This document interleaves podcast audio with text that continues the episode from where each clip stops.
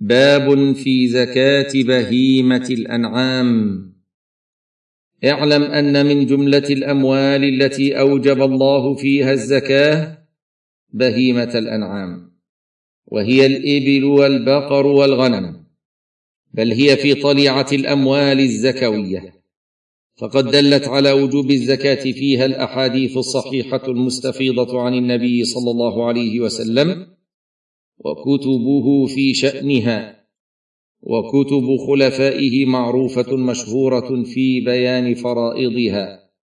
وبعث السعاة لجبايتها من قبائل العرب حول المدينة وغيرها على امتداد الساحة الإسلامية.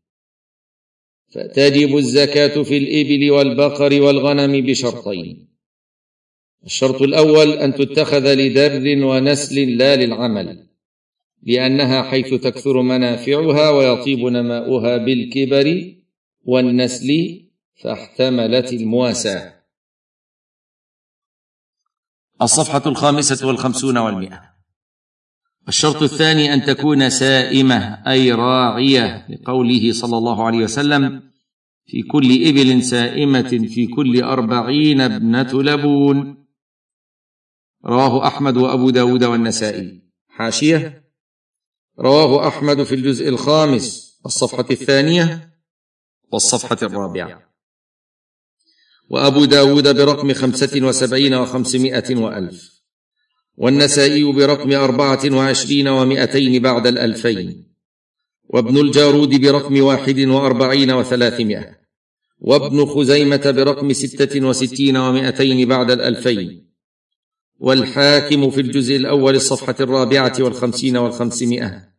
وصححه وقال أحمد صالح الإسناد. انتهت الحاشية. والسوم الرعي.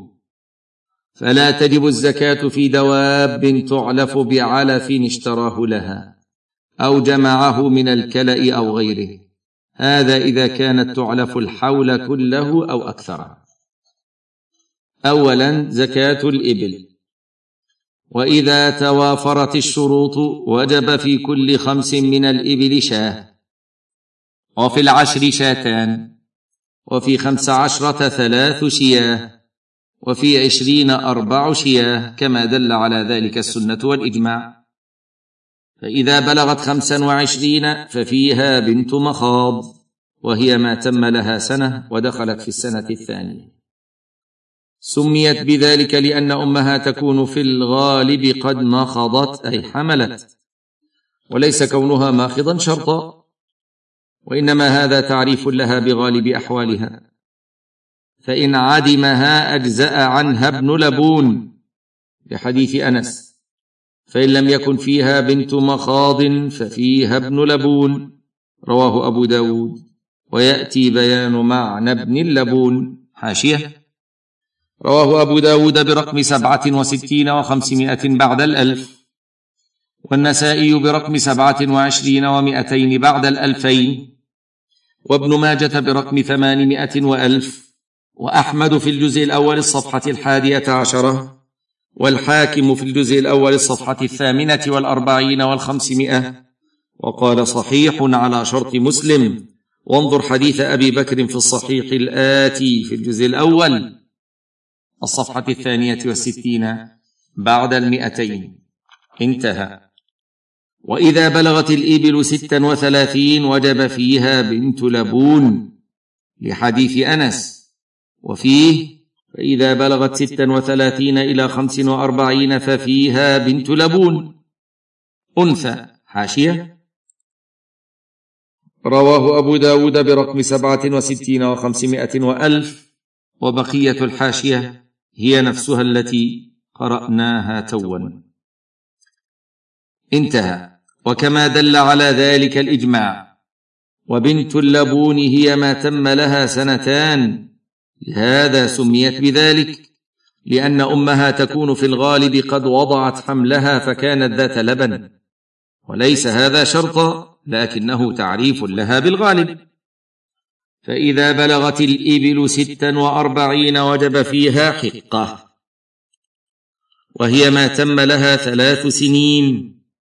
سميت بذلك لأنها بهذا السن استحقت أن يطرقها الفحل وأن يحمل عليها وتركب.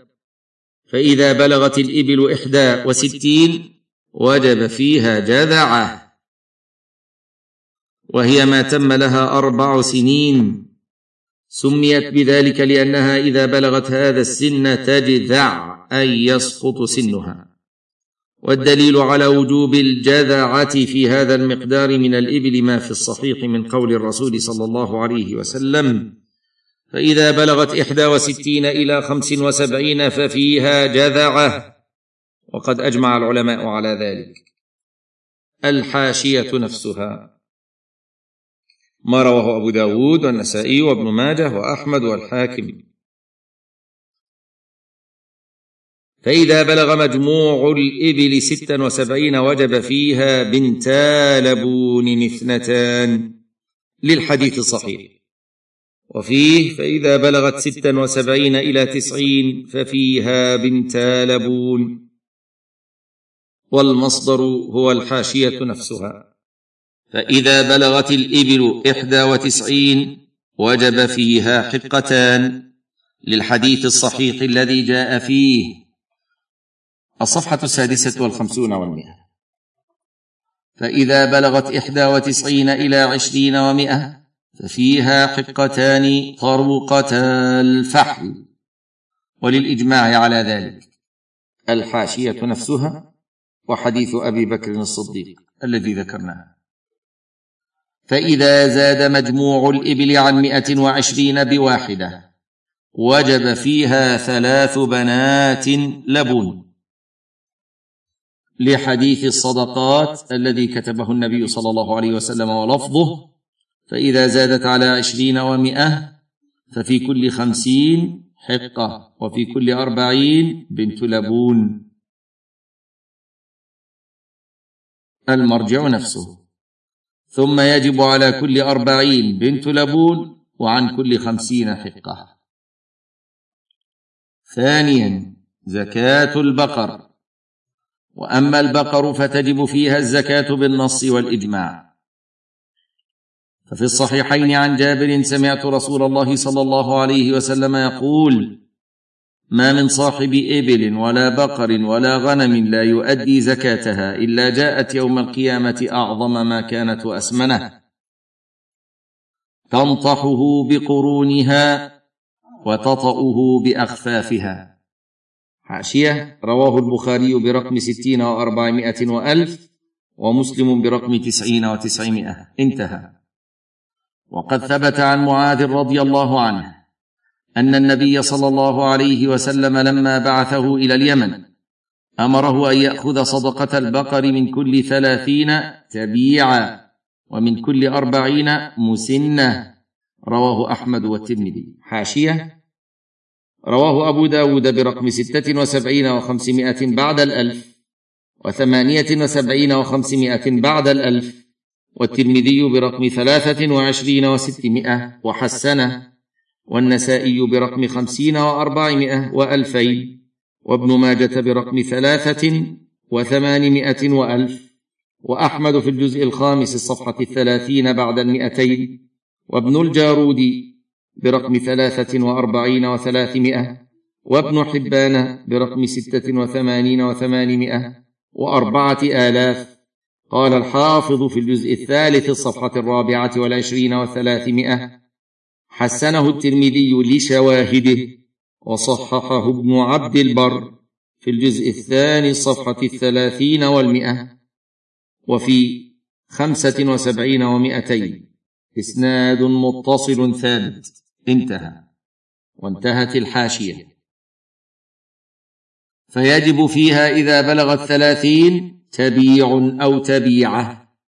قد تم لكل منهما سنة ودخل في السنة الثانية سمي بذلك لأنه يتبع امه في السرح ولا شيء فيما دون الثلاثين.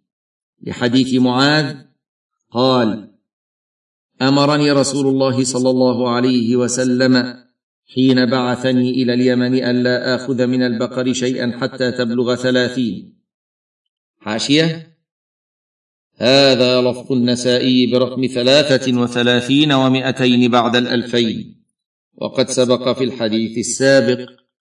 انتهى. فإذا بلغ مجموع البقر أربعين وجب فيها بقرة مسنة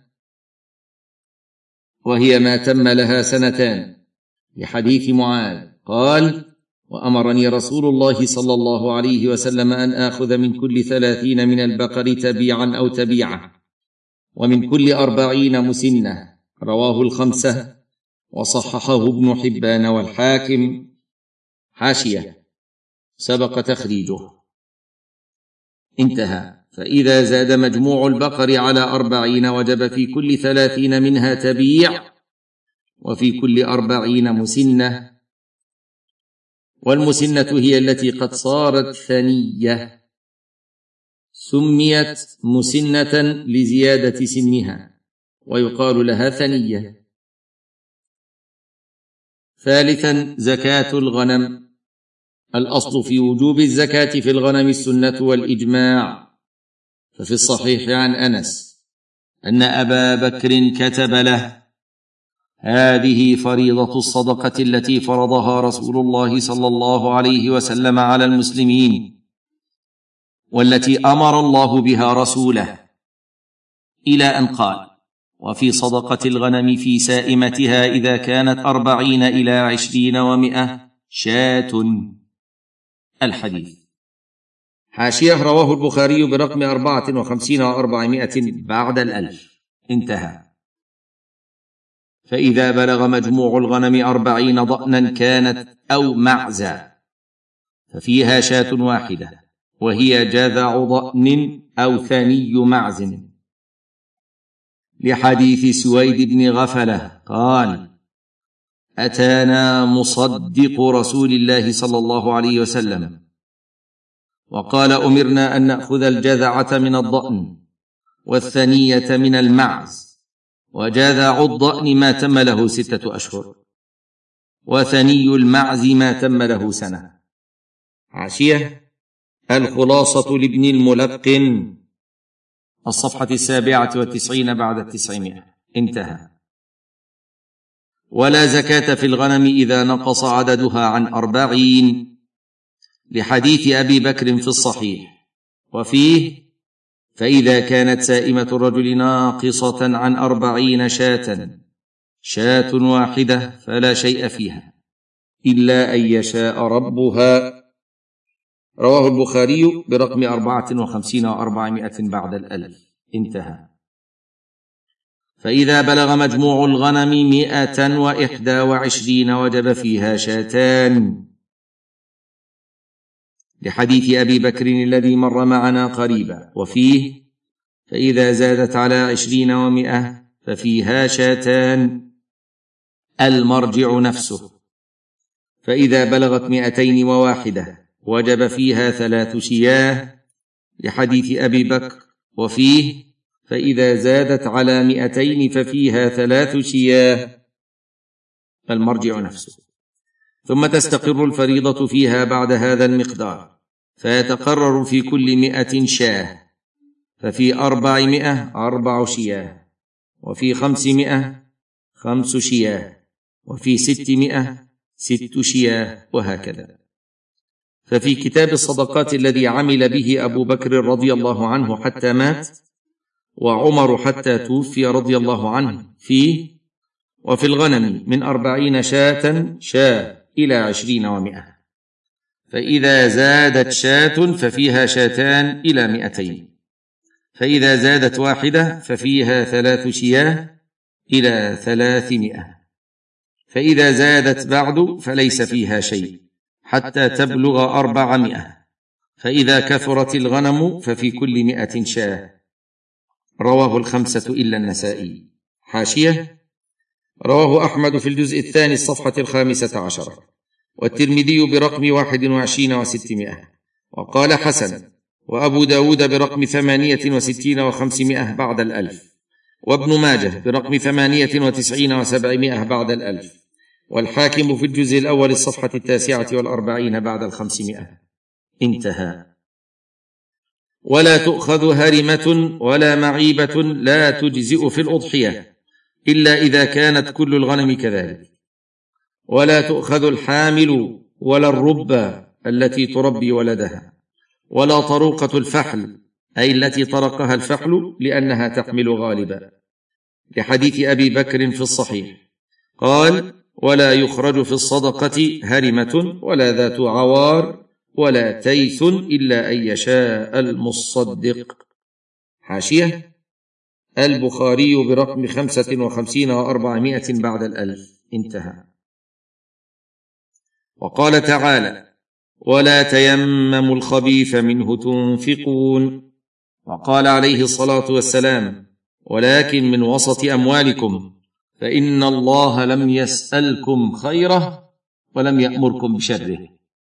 حاشيه رواه أبو داود برقم اثنين وثمانين وخمسمائة وألف معلقة. والبخاري في التاريخ في الجزء الخامس صفحة الحادية والثلاثين.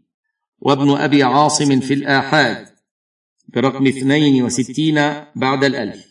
والطبراني في الصغير برقم خمسة وخمسين وخمسمائة. والبيهقي في الجزء الرابع الصفحة الخامسة والتسعين. انتهى. ولا تؤخذ كريمة وهي النفيسة التي تتعلق بها نفس صاحبها. ولا تؤخذ أكولة وهي السمينة المعدة للأكل. أو هي كثيرة الأكل فتكون سمينة بسبب ذلك. قال صلى الله عليه وسلم لمعاذ بن جبل رضي الله عنه لما بعثه إلى اليمن إياك وكرائم أموالهم. متفق عليه. حاشية.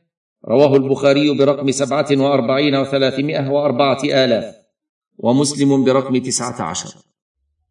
انتهى. والمأخوذ في الصدقات العدل كما قال عليه الصلاة والسلام ولكن من وسط أموالكم. حاشية. نفسها الحاشية الطويلة رواية أبي داود والبخاري في التاريخ وابن أبي عاصم في الآحاد إلى آخر الحاشية.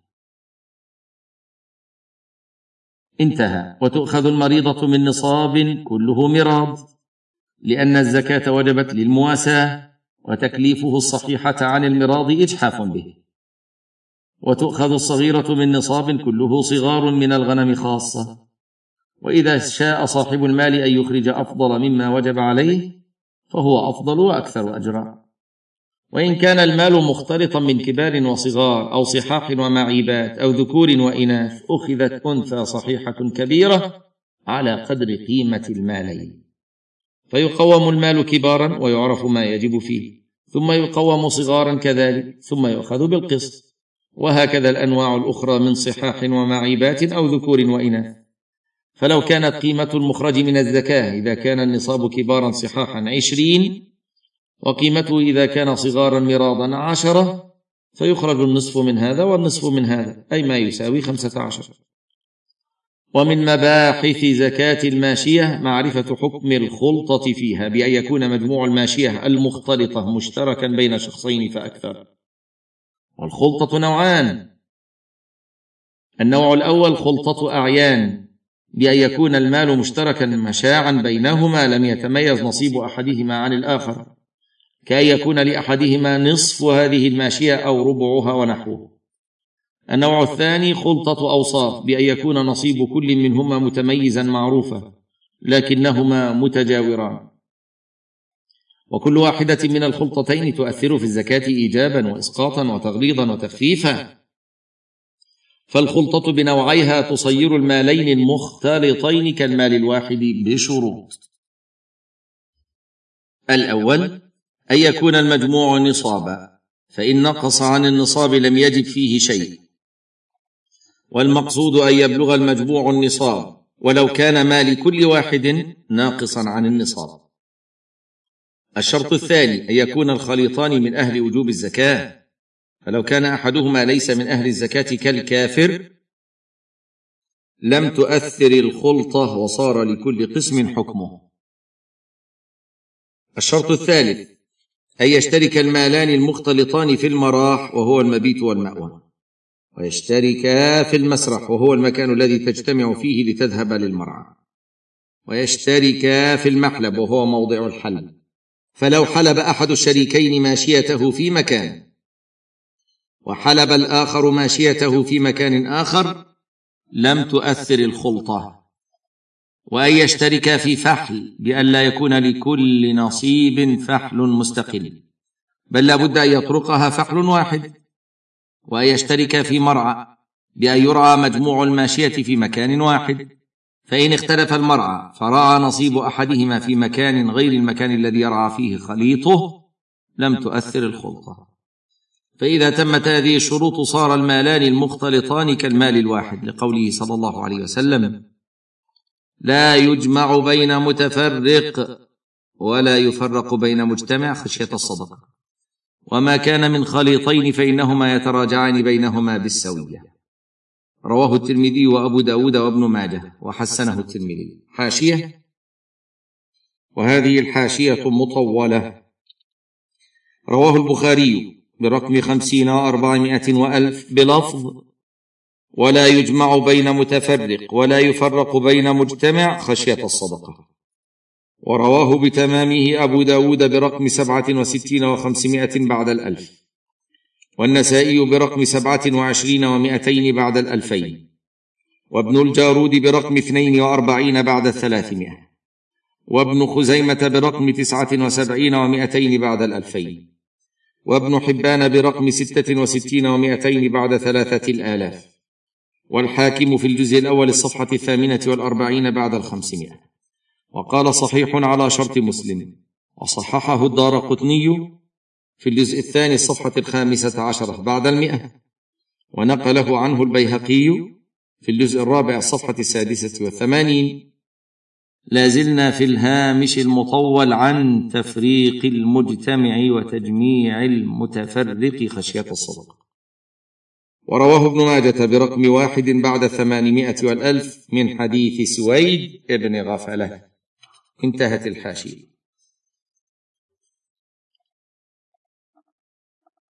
فلو كان لإنسان شاة ولآخر تسع وثلاثون أو كان لأربعين رجلا أربعون شاة لكل واحد شاة واشتركا حولا تاما مع توافر الشروط التي ذكرنا فعليهم شاة واحدة على حسب ملكهم.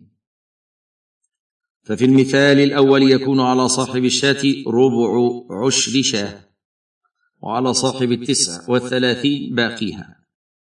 وفي المثال الثاني على كل واحد من الأربعين ربع عشر الشاة.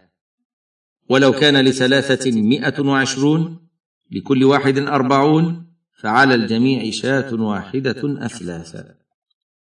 وكما أن الخلطة تؤثر على النحو الذي رأيت فكذلك التفريق يؤثر عند الإمام أحمد فإذا كانت سائمة الرجل متفرقة. كل قسم منها يبعد عن الآخر فوق مسافة القصر صار لكل منهما حكمه ولا تعلق له بالآخر. فإن كان نصابا وجبت فيه الزكاة. وإن نقص عن النصاب فلا شيء فيه. فلا يضم كل قسم إلى الآخر. هذا قول الإمام أحمد.